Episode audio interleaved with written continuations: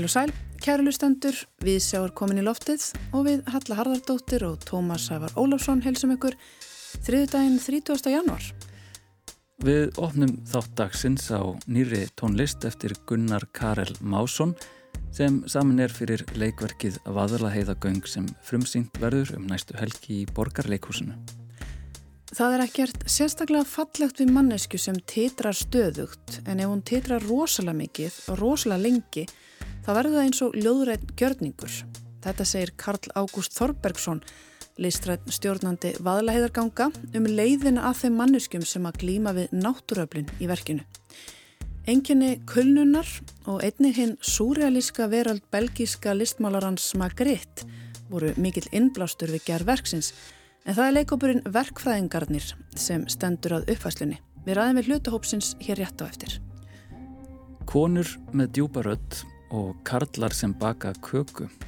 Um berskjöldun sem valda strategíu nefnist ný grein sem Nanna Hlín Haldurstóttir heimsbyggingur byrti á dögunum í hug tímariti félags áhuga manna um heimsbyggi en þar fjallar hún um hugtækið berskjöldun og hvernig það hefur náð miklum vinsaldum innan fræðarsamfélagsins sem og í kvestaslegri orðuræðu undanferðni áratví Hún bendir jáfnframt á að í ofinberi umræðu virðast forréttendahópar nú nýta sér berskjöldun í valda strategískum tilgangi. Við ræðum við Nönnur Hlín hér á eftir. Einnig fáum við að heyra bókadóm í þættinum. Sofjöður Birgistóttir rínir að þessu sinni í bókina Dúnstúlkan í þokunni eftir Bjarnar Bjarnason. En svo bók er eina fimm sem tilnæmdar eru til íslensku bókmentavelunana í flokki fagurbókmenta en velunin verði mitt veikt við hátilega að töfn annað kvöld. En við hefjum þáttinn með góðum gestum, þeim Karli Ágústi Þorbergsinni og Júlíönu Láru Stengrimsdóttur sem eru meðal listamanna í verkfræðingunum, leikofnum á bakvið Vaðalaheiðagöng sem frumsýnt verður um næstu helgi í borgarleikúsinu.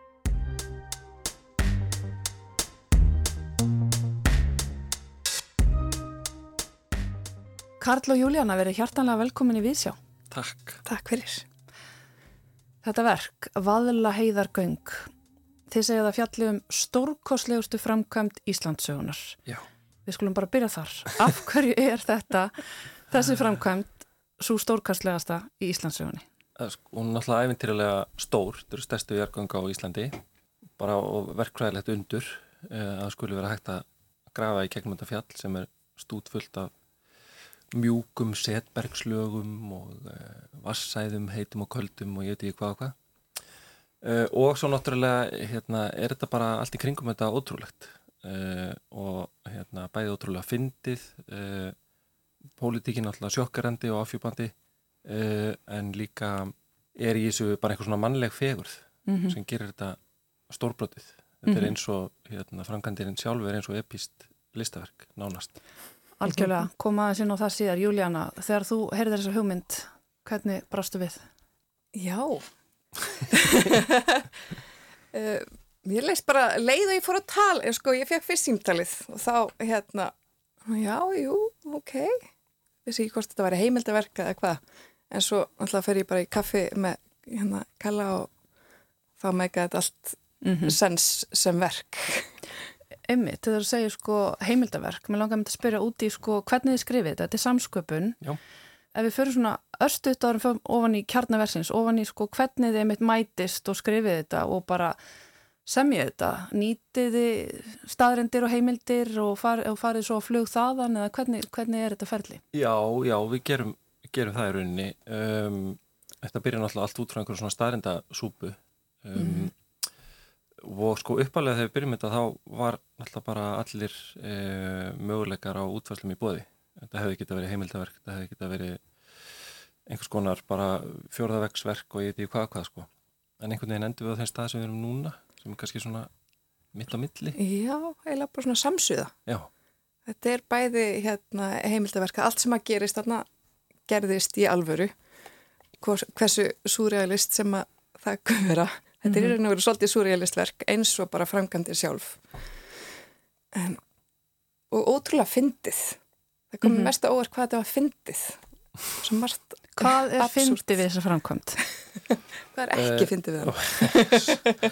Það fyndið að allir stjórnmálamennir eru sköllóttir það er fyndið og, og hérna bara þessar aðstæður sem það lendi í þú veist, hérna, þegar til dæmis þegar heita vatnin kemur þá er búið að myndast þarna guðubað inn í fjalli, risastórum tveggja kílómetra Rísa langt. stórt guðubað. Já, það er svolítið fyndið ef maður fyrir svona virkilega að pæli því og svo kannski bara staða mannsins hérna, hérna, hérna stenda hérna, menni í appisyningulum göllum inn í miðju fjalli í 46 gráðu heitu guðubæði, bara eins og í Vesturbælinni Það er Súrrealist, sko. aðstæður og, og þar kemur inn þetta samband okkar bara við náttúruna, hvernig við ákveðum bara að ráðast á hana og glíma við hana og þessi glíma á milli manns og náttúru er einhvers konar þráður í verkinu, er það ekki? Jú, jú, algjörlega. Það er bara rauðið þráðurinn, myndi ég segja. Mm Það er eitthvað við þetta, þú notur orðið súrealist, Já. það er eitthvað við þetta sem minnir mig á, sko það er auðvitað eitthvað svona ævintarlegur og góðsögulegur þráður í þessu. Já, Mér verður bara að hugsa til búkollu, já, já, já, já, já, já, um mitt muniði. já, Sem föstin að í, fór með- í helli Já, skessan fór og með stærsta borin og boraði gat og festi sér svo í gatinu. mitt Þetta er sem ég veit ekki alveg hvað að þýða í þeirri sögu, reyndar. og nautið að pissa yfir hérna og búið til fljót og slist, þannig að það gerist í raun og veru líka. Það verður gerist í raun og veru líka, já Fljót inn í göngunum Akkúrat. og þeir sigla þarna inn á árabót, trí árabót sem er náttúrulega bara eins og úr einhverju æventýri. Sildu þeir sem að tóku þátt í framkvæmdinni á árabát inn í fjallið. Já. Já, það er Já. Á ótrúlega trí árabót. Það eru auðvitað einhver ótrúlegu ljóðræn viti öllu já. saman. Það er það sem er svona heitlandi við þetta. Þú Veist, það er, er ástæði fyrir því að maður gera verkum aðlæðugöng en ekki eða eitthvað. Þarna er bara myndast einhver bara svona surrealísk ljóðræn fegurð. Mm Uh, og þú veist, við erum búin að vera að skoða rosalega mikið í þess ferli bara vísanir í, í gamlan surrealisma, þú veist, eins og, eins og Magritte og, og einhverju fleiri þannig, -hmm. bara til að, svona, til að koma okkur á eitthvað svona fagafræðilegt spór. Einmitt. Og hvar funduð þið þennan fagafræðilega þráð? Hvað lendið þið? Hvar lenduð þið? Já, Við lendum í, í Magrittlandi, getur við sagt, Já. uh, eiginlega? Algjörlega, jú, ég myndi halda það. Já, Ég myndi lýsa þannig, en samt svo erum við líka þarna með næðisrými. Við förum líka alveg inn í einhvern veginn blákaldan raunveruleikan. já, blákaldan umveruleika verkræðinga. Já, já. Það er sem ákveðin. hafa örgulega verið undir mjög miklu álægi í Að pottjett. við gerð þessari ganga og, og hérna, eða við gerum bara ráð fyrir því í verkinu. Einmitt. Verkfræðingarnir hafa, Eins og því kannski í þessari glímu líka. Já, Eða hvað? algjörlega. En það lítur að vera áskorun fyrir leikmyndahönnuð og búningahönnuð, Júlíana, að færa þennan heim á sviðið. Hvernig nálgast þið það? Við reyndum náttúrulega bara að gera þetta á svona sem einfaldastan hátt.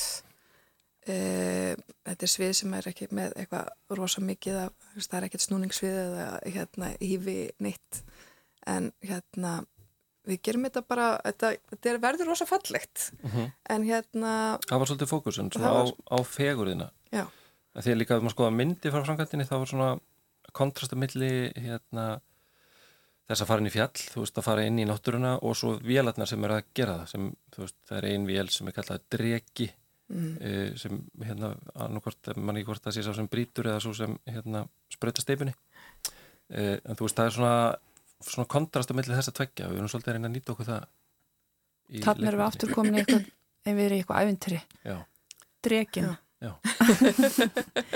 Það er líka eitthvað við þetta, hérna, þessi glíma við náttúruna og, og þessi, þessi ljóðurana viti í hverstasleikanum, það er líka eitthvað við þetta sem að minnum á Herzog. já, já, einmitt.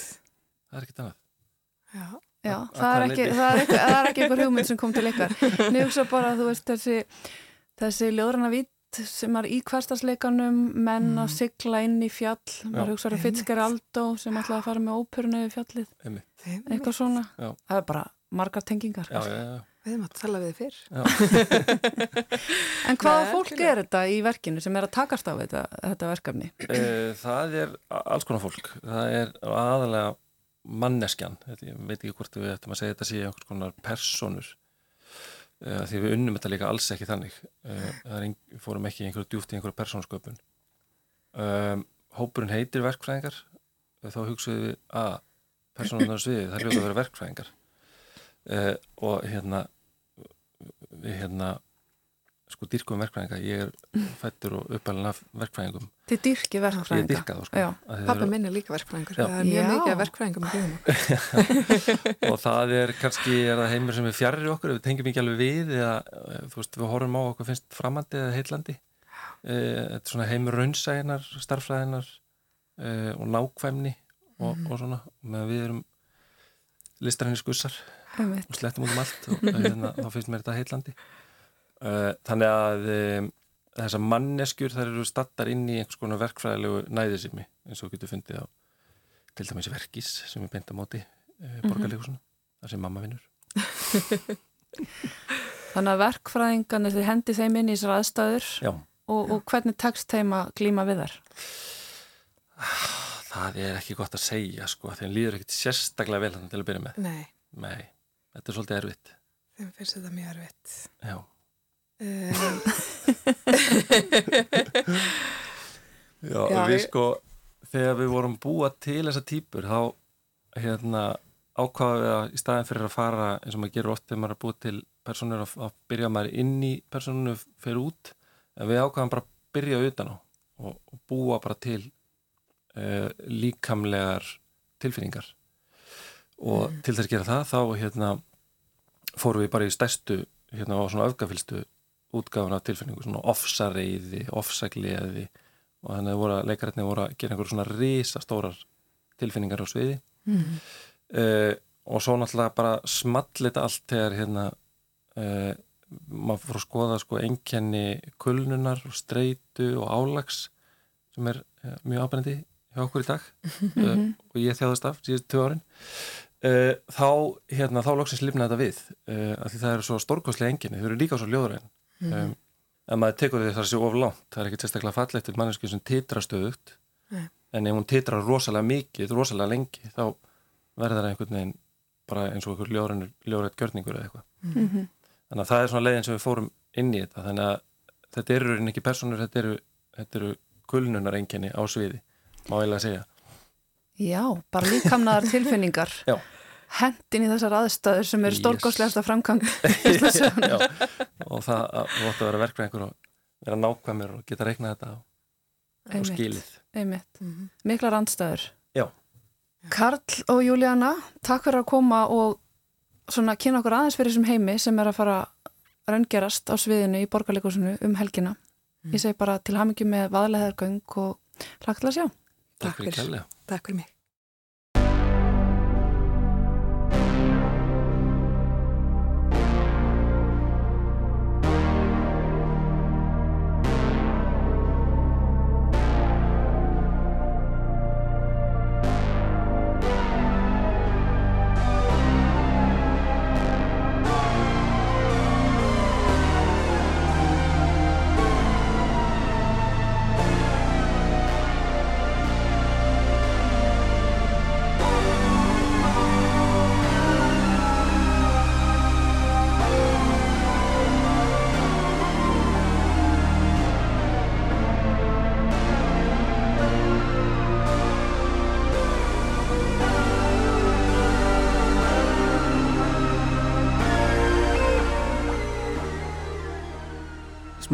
Tóndæmi úr leikverkinu Vaðala heiða göng sem frumsýnd verður um næstu helgi.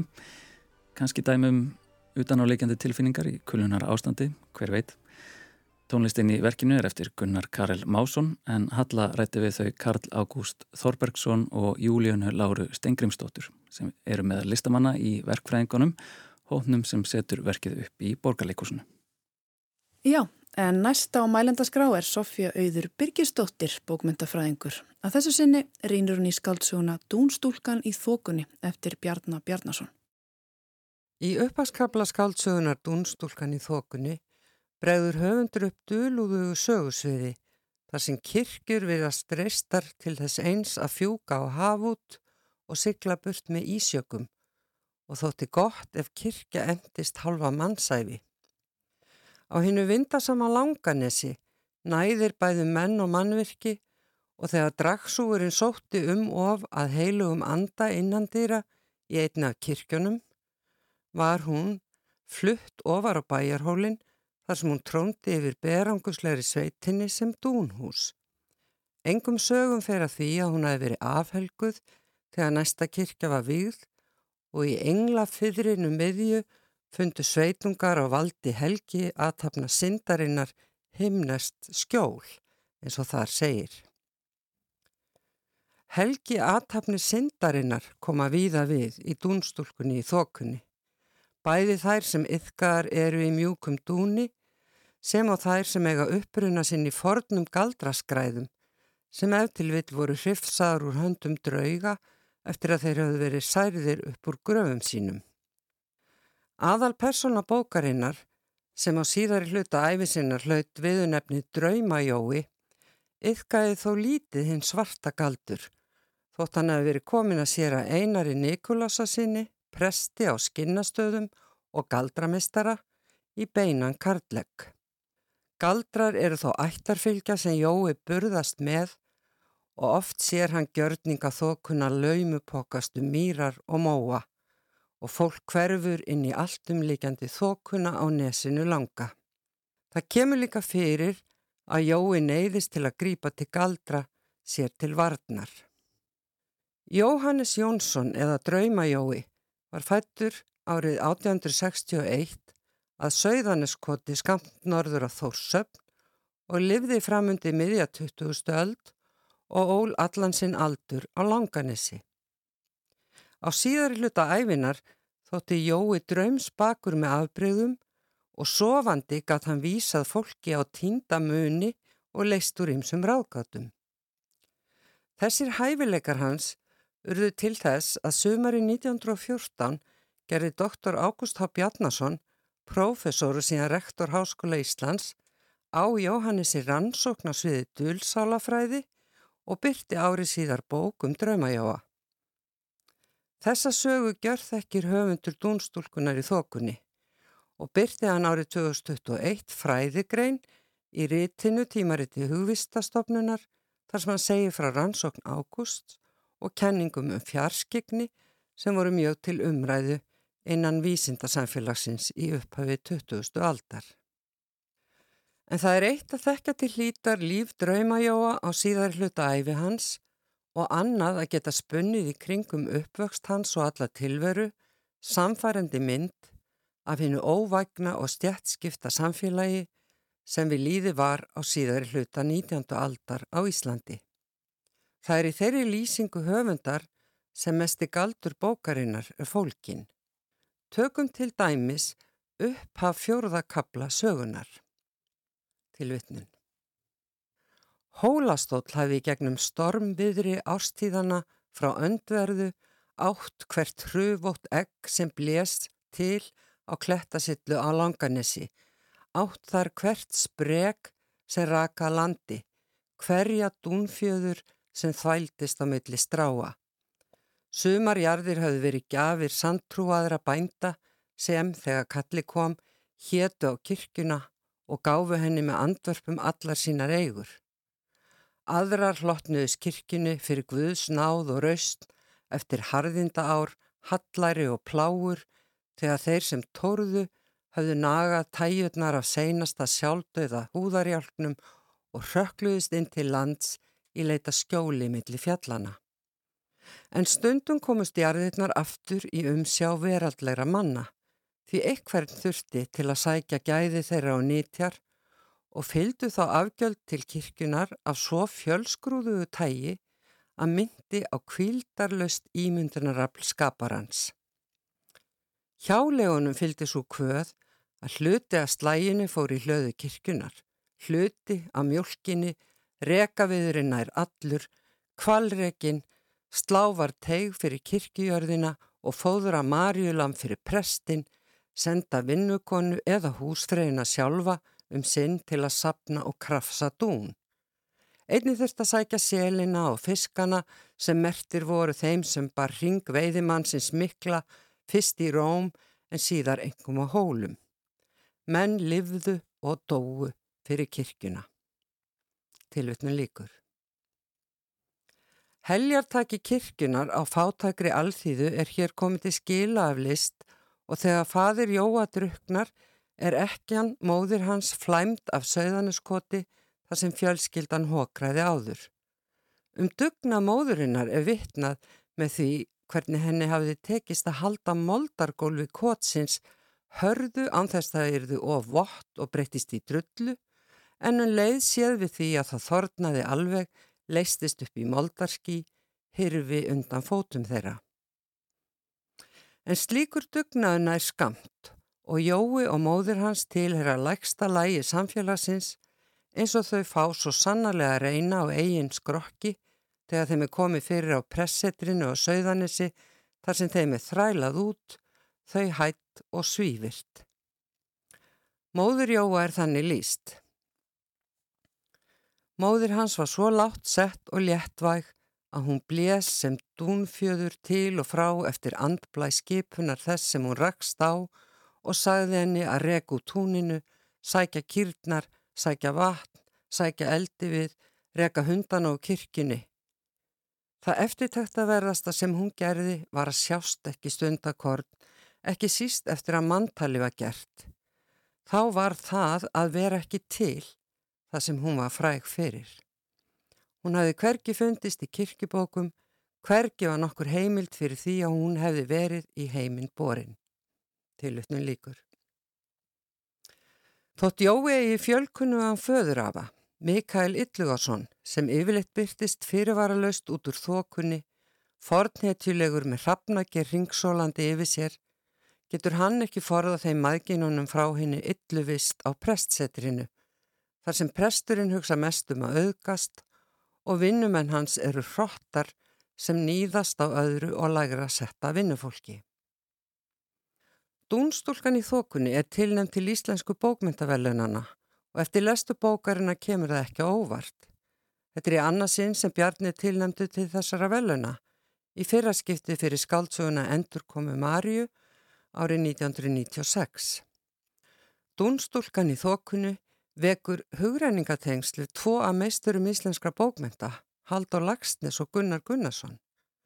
Mögnu personulýsingin á Mikael Illuasinni, Ava Jóa, minnir að breyttu breytanda á lýsingu Gunnars á Ava og Knerri í fjallkirkjunni og í personulýsingu Drauma Jóa og lýsingu á æsku hans eru ymsar samsvaranir við Ólaf Kárasson ljósviking úr heimsljósi. Hér má nefna niðurlægingu þeirra og veikindi á ungdómsárum. Tvis var beigir taugaveikin Jóa beinins í duftið. Hann getur ekki gengið, heldur skrýður um hýpilinn og fjöruna og lárétt staða hans rýmar við stöðu hans í mannfélaginu. Tala má um kristgerfing bæði í tilviki ljósvikingsins og Jóa. En það er gamla vinnukonan Gutta Jemin vissum að Jói sé kristur upprisinn þegar hún finnur hann rekin á fjöru á krossi en hann hafði bundið sig á mastur í tilraun til að fylgja móðu sinni og afa eftir í sjóin en þar býr hann þinn gröf eftir að þeim var ráðing bani þar sem galdrar koma við sögu. Gutta Jemin er eina eftirminnilegustu personum skáldsögunar og þessi gamla vinnukonna reynist mikill örlagavaldur í lífi Jóa eftir að hann kemst aftur á fætur og eftir að hún hefur hjúgrað honum veikum. Sagan af niðurlægingu draumajóa og því hvernig hann rýs upp úr henni og verður þekktur maður sem flestum þykir væntum er bæði áhugaverð og áhrifarík. Um miðjasögu er líðan hans líst á eftirfarandi hátt. Tilvitnun. Hann saknaði eitthvað sem hann vissi ekki hvað var.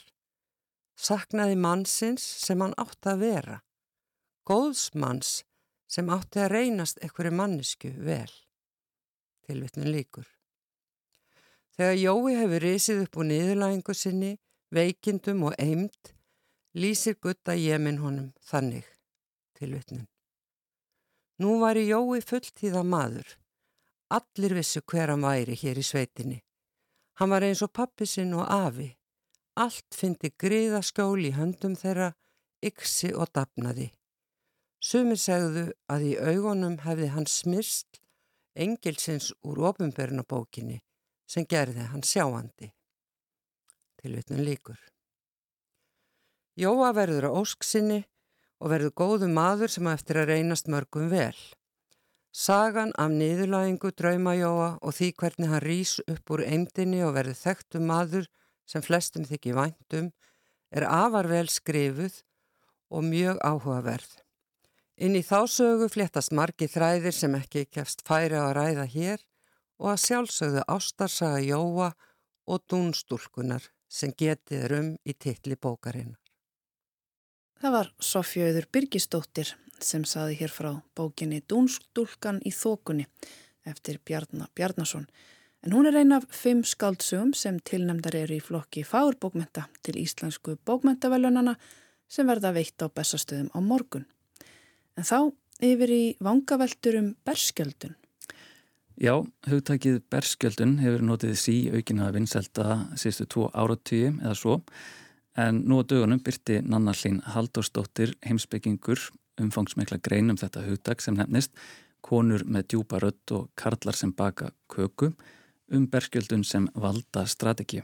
Þar greinir hún þetta margræða hugtak og bendir á að margt í ofnbæri umræðu bendir til þess að forréttandahópar séu farnir að nýta sér berskjöldun í valda strategískum tilgangi. Nanna Hlín Haldurstóttir, velkomin í Víðsjá. Þakka þér fyrir. Og þú varst að gefa út grein núna dögunum sem nefnist uh, konur með djúpa rött og Karlar sem baka köku um, svolítið skemmtilegu titill en uh, undir titillin um berskjöldun sem valda strategíu það er svona í lestrinum eins og það er varð svona einhvers konar leiðastef sem að maður getur svolítið haldið í Já. en þetta er afar stór undir titill uh, mætti ég byggja um að kannski gera hans grein fyrir hún Já, akkurat rétt hjá þér, hann er stór Sko, eiginlega ástæðan fyrir ég skrifa þessi grein var að ég var búin svona halvpartin að lofa mjög mörgum sem finnst betra að lesa á íslensku en ennsku að skrifa grein um berskjöldun á íslensku.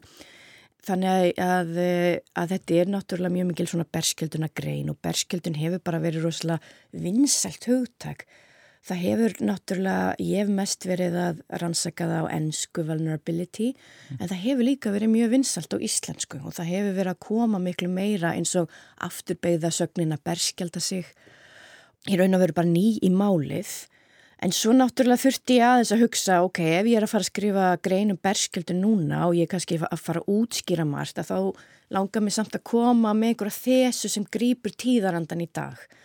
Og fyrir kannski 10-15 árum að þá var þetta meira að koma fram sem svona hugtak sem fólk tók fagnandi.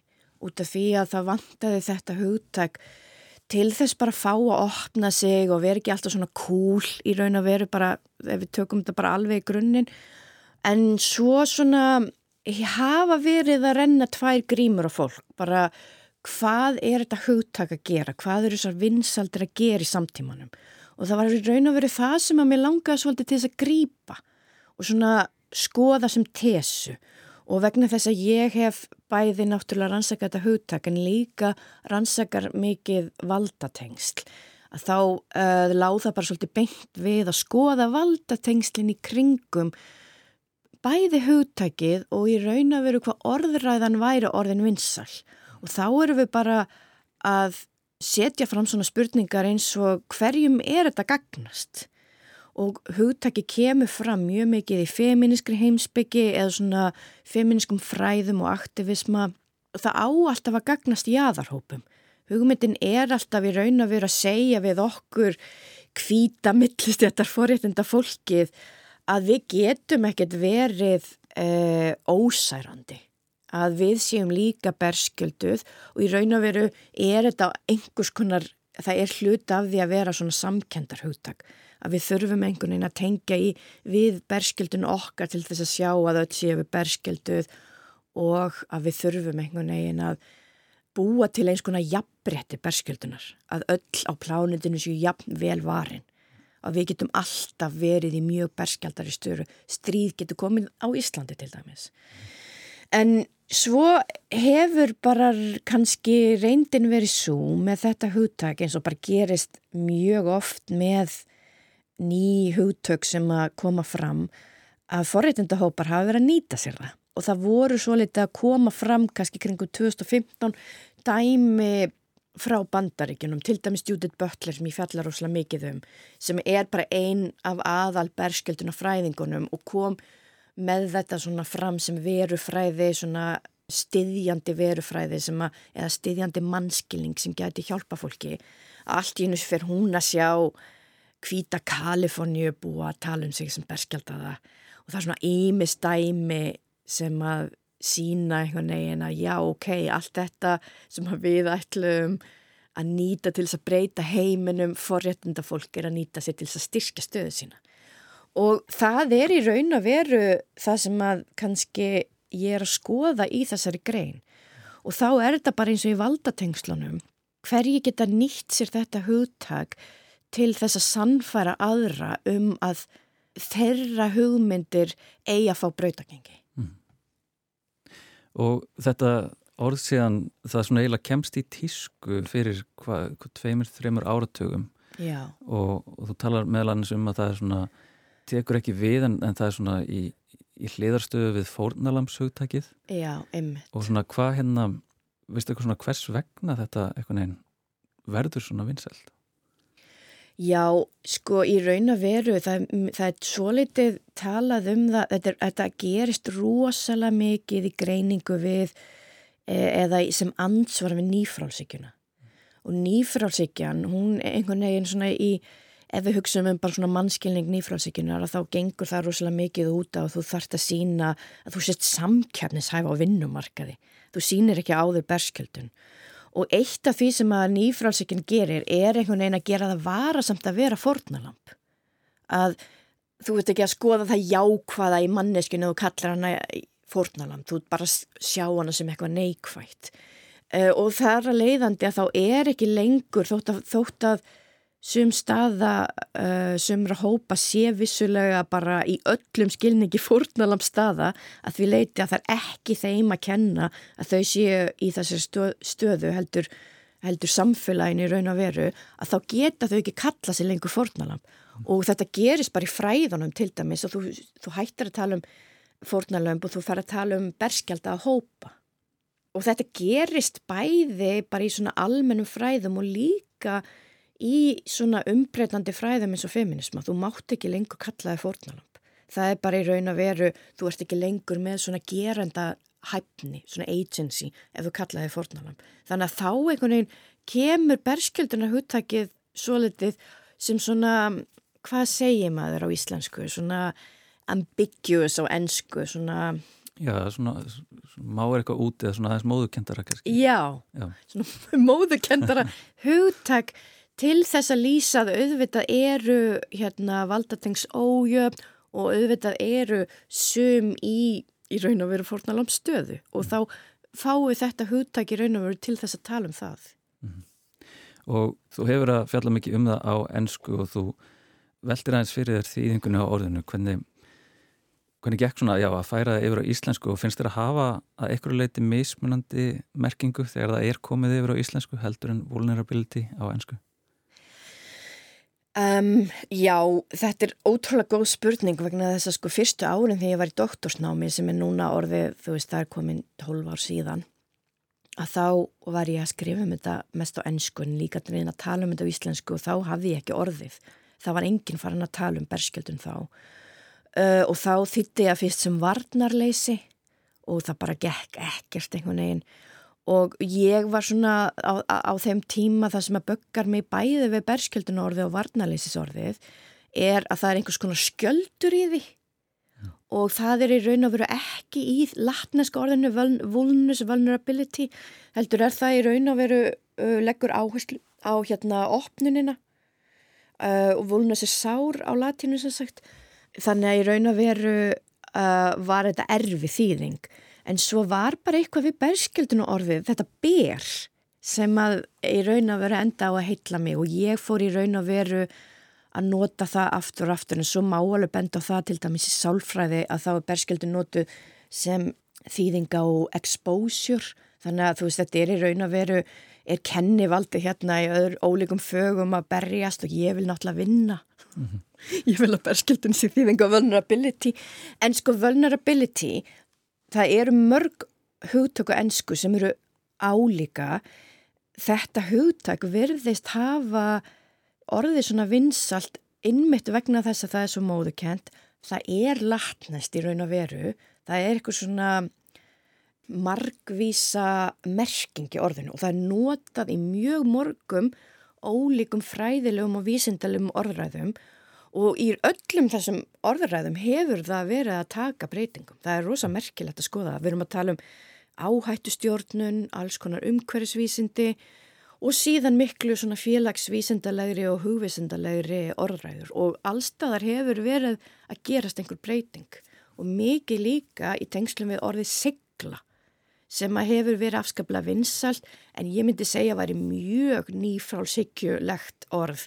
Segla er notið rosalega mikið í áhættustjórnun sem í raun og veru bara að geta haldið áfram en þegar þú ert að tala um þetta sem mannskilning og það er það oft notað svo litið gegn fólki þegar það er bara í berskildu um aðstæðum.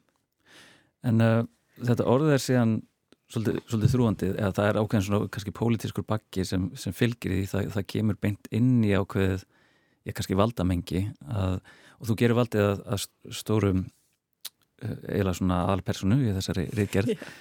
og þú ert svolítið svona kortlegja hvar berskjöldun liggur, ekki bara einhvern veginn á valdinu sem vomir yfir okkur heldur þessu svona valdi á milli okkar og, yeah. og þar, þar kemur okkar gamli, gamli góði Foucault inn í, inn í mengið en líka Judith Butler og þú byggir þetta svolítið á gjörningakenningun hennar, hvernig svona kemur berskjöldunar hugtakið þar fram? Já, það er í raun að veru einmitt Judith Butler sko öll hennar verk byggja á Foucault. Og, og valdagreining Foucault hún er afskaplega, hún er alltaf rosalega mikið notuð. Og hún hefur alveg sko reynst ágætlega vegna þess að hún er bæði svona makró svona formgerðinni skoðu valda formgerðin og það eru við náttúrulega að gera þegar við erum að tala um eitthvað eins og nýfrálsíkjuna og bara samfélagum sem við búum í. En síðan akkurat eins og þetta tala um bara tengslinn okkar á milli.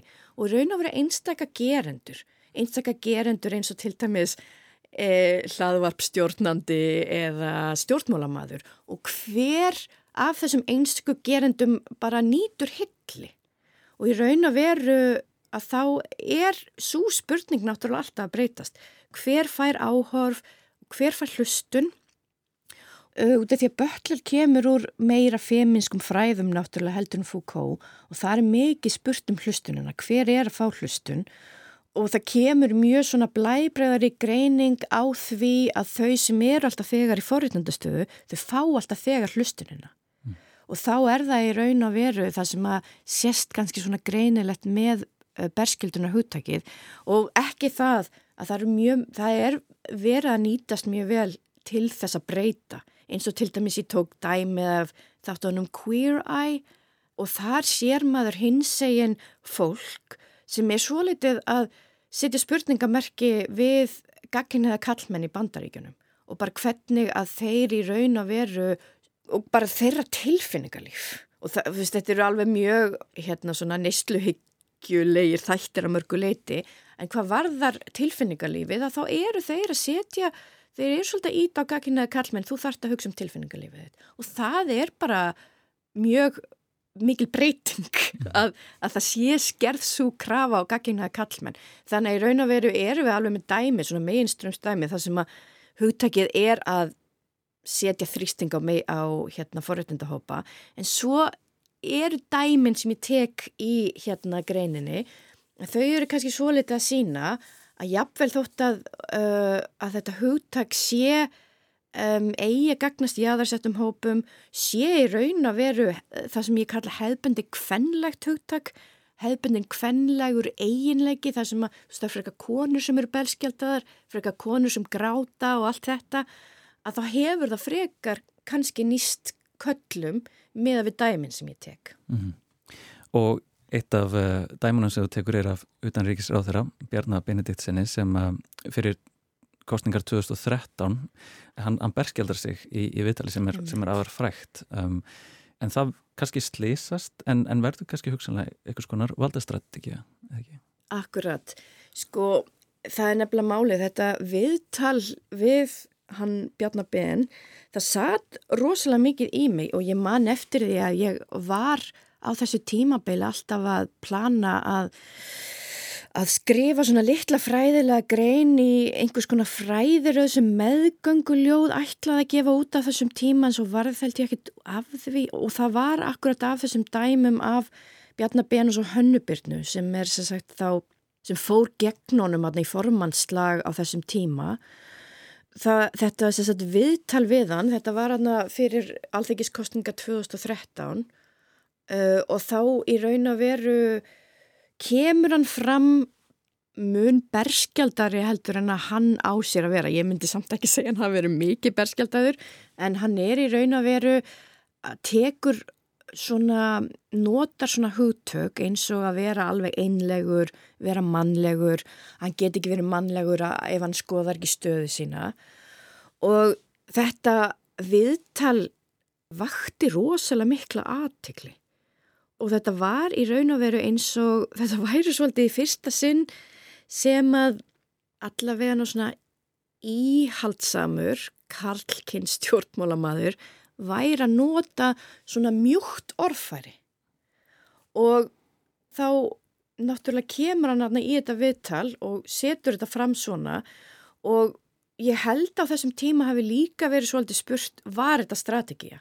Og það sem ég er svolítið að segja í greininni er út af því að þú veist bæði þessu og svo tók ég annars þess að dæma sjálfa tryggvasinni sjálfsviðtalinu sem að var 2021 og svona er talað um að hafi hrundið á stað eh, setnibilgi Me Too það var rosalega mikið spurt var þetta feik og voru þeirra búið þetta til?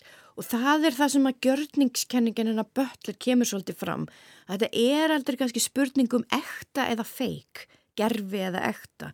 Heldur í raun að veru að þá er þetta spurning um einhvern veginn að þú sért búin að endur taka ákveðin gjörning aftur og aftur sem þú gerir náttúrulega, þú veist, þegar þú ert ánum stjórnmálmaður eða fjölmilamaður eða bara uh, hérna, fólk sem tala mikið að þá ertu ánum vanur að tala, þú ert vanur að koma fram og þú getur kannski látið einlagnina eða berskildinina hljóma sannfærandi hátt og ég er í raun og veru miklu meira að segja að það hafi svolítið gerst.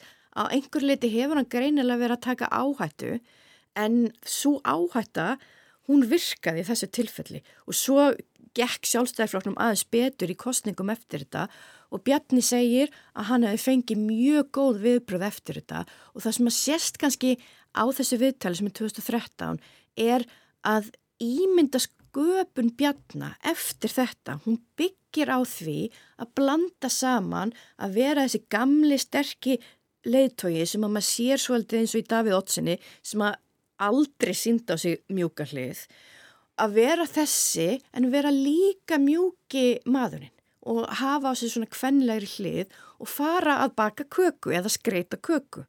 Og því kökuauðlýsingin sem kemur svo hún er náttúrulega algjörlega strategísk. Mm -hmm. Þú veist, þú veist ekki alveg uh, ég er ekkit vissum að hann hafi lagt í þetta viðtal strategist að ætla að vera berskjaldadur en það nýttist honum. Svo eftir á var séð, ó, þetta var eitthvað sem nýttist, núna er bara annar hópur kjósenda sem að líkar við Bjarnabén.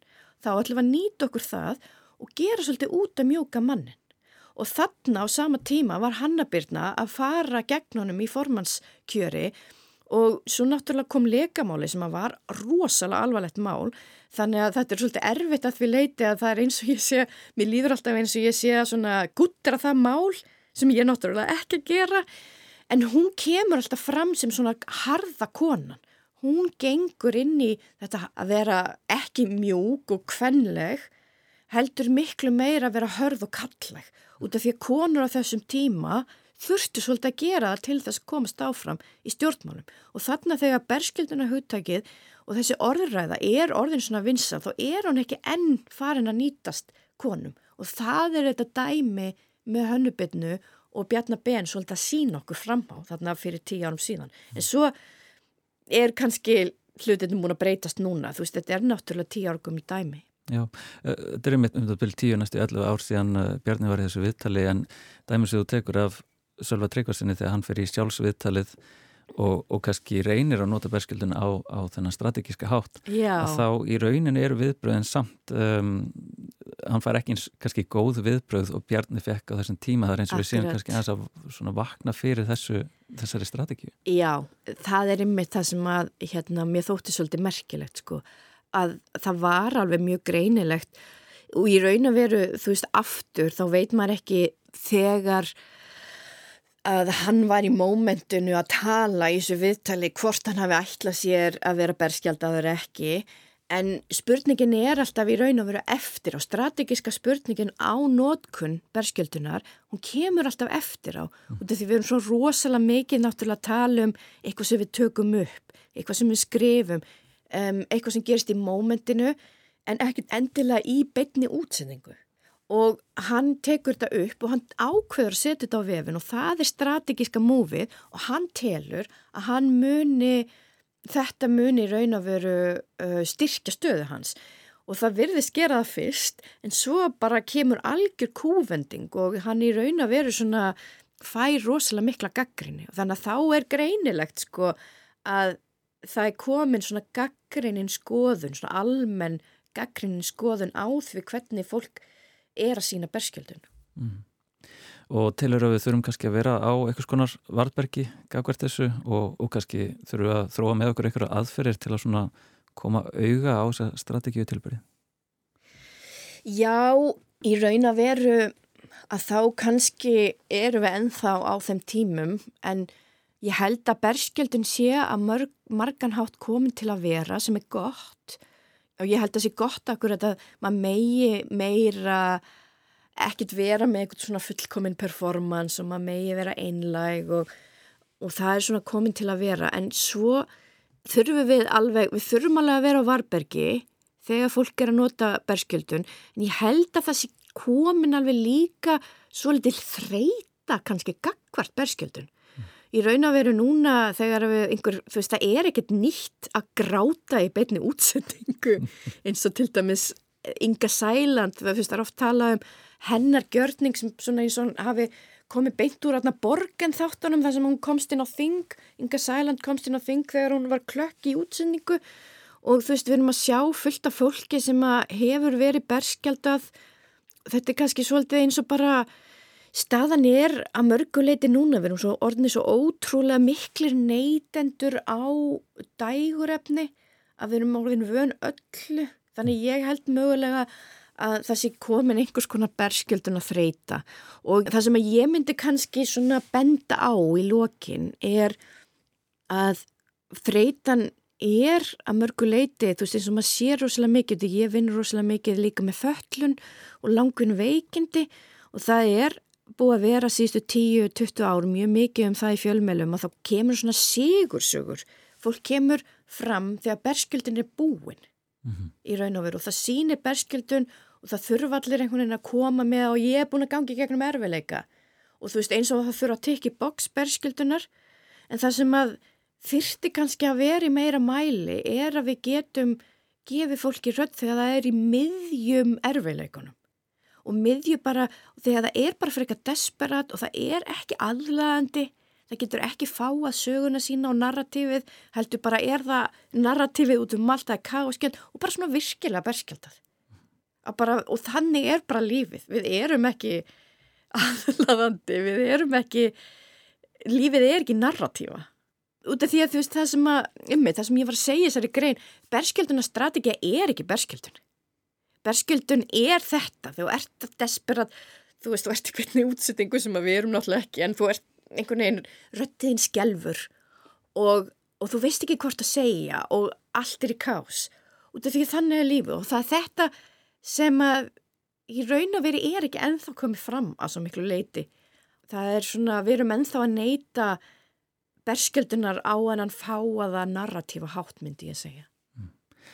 Það séu góð lókaörð Nanna Hlín Haldurstóttir, takk hérlega fyrir komuna. Takk fyrir mig.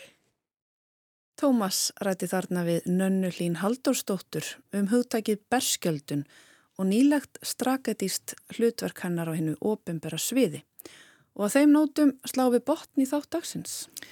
Já, við ætlum að sigla burt á berskjölduðum tónum eða kannski lægi sem teplir saman kúli og berskjöldun, hennu ósærandi og hennu varnarlausa. Hljómsveit sem stofnuð var við endalóksögunar nánar tiltekið eftir fall Sovjetríkjana og hefur starfað með hljefum allar gutur síðan. Þetta er lag sem ég man eftir að hafa fyrst heyrt á balli í áttundabekk þar sem ég satt með vinum mínum fyrir utan dansalinn og við gerðum okkar besta til að halda kúli og dansa ekki. Síðar varð lagið svo kallað Guilty Pleasure hjá mér með skömmustu nöytt, lag sem ég þorði ekki að gangast við að elska og í raun þurfti ég að þróskast upp úr hugafarinu að menninga fyrirbæri geti verið skömmustu nöytnir til að gangast almenlega við ástmenni á því. Við léttum á skildinum hér í Víðsjá og ljúkum þættinum hér á slagaranum Killing Me Softly with His Song í flutningi Fugis. Takk fyrir að hlusta og verið sæl.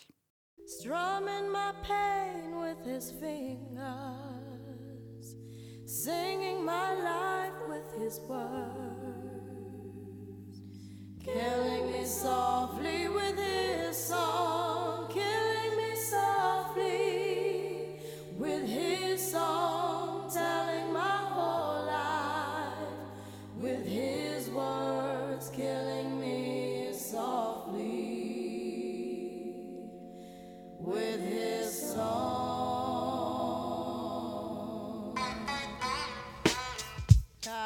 Yo, yeah, yeah. this is why nah. Clef Refugee uh, Camp cries well. Little bass sitting up here on the bass. While I'm on this road, I got my girl L. Uh-huh. One time, one time. Hey yo, L, you know you got the lyrics. I heard he sang a good song. I heard he had a style. And so I came to see him and listen for a while. And there he was, this young boy, stranger to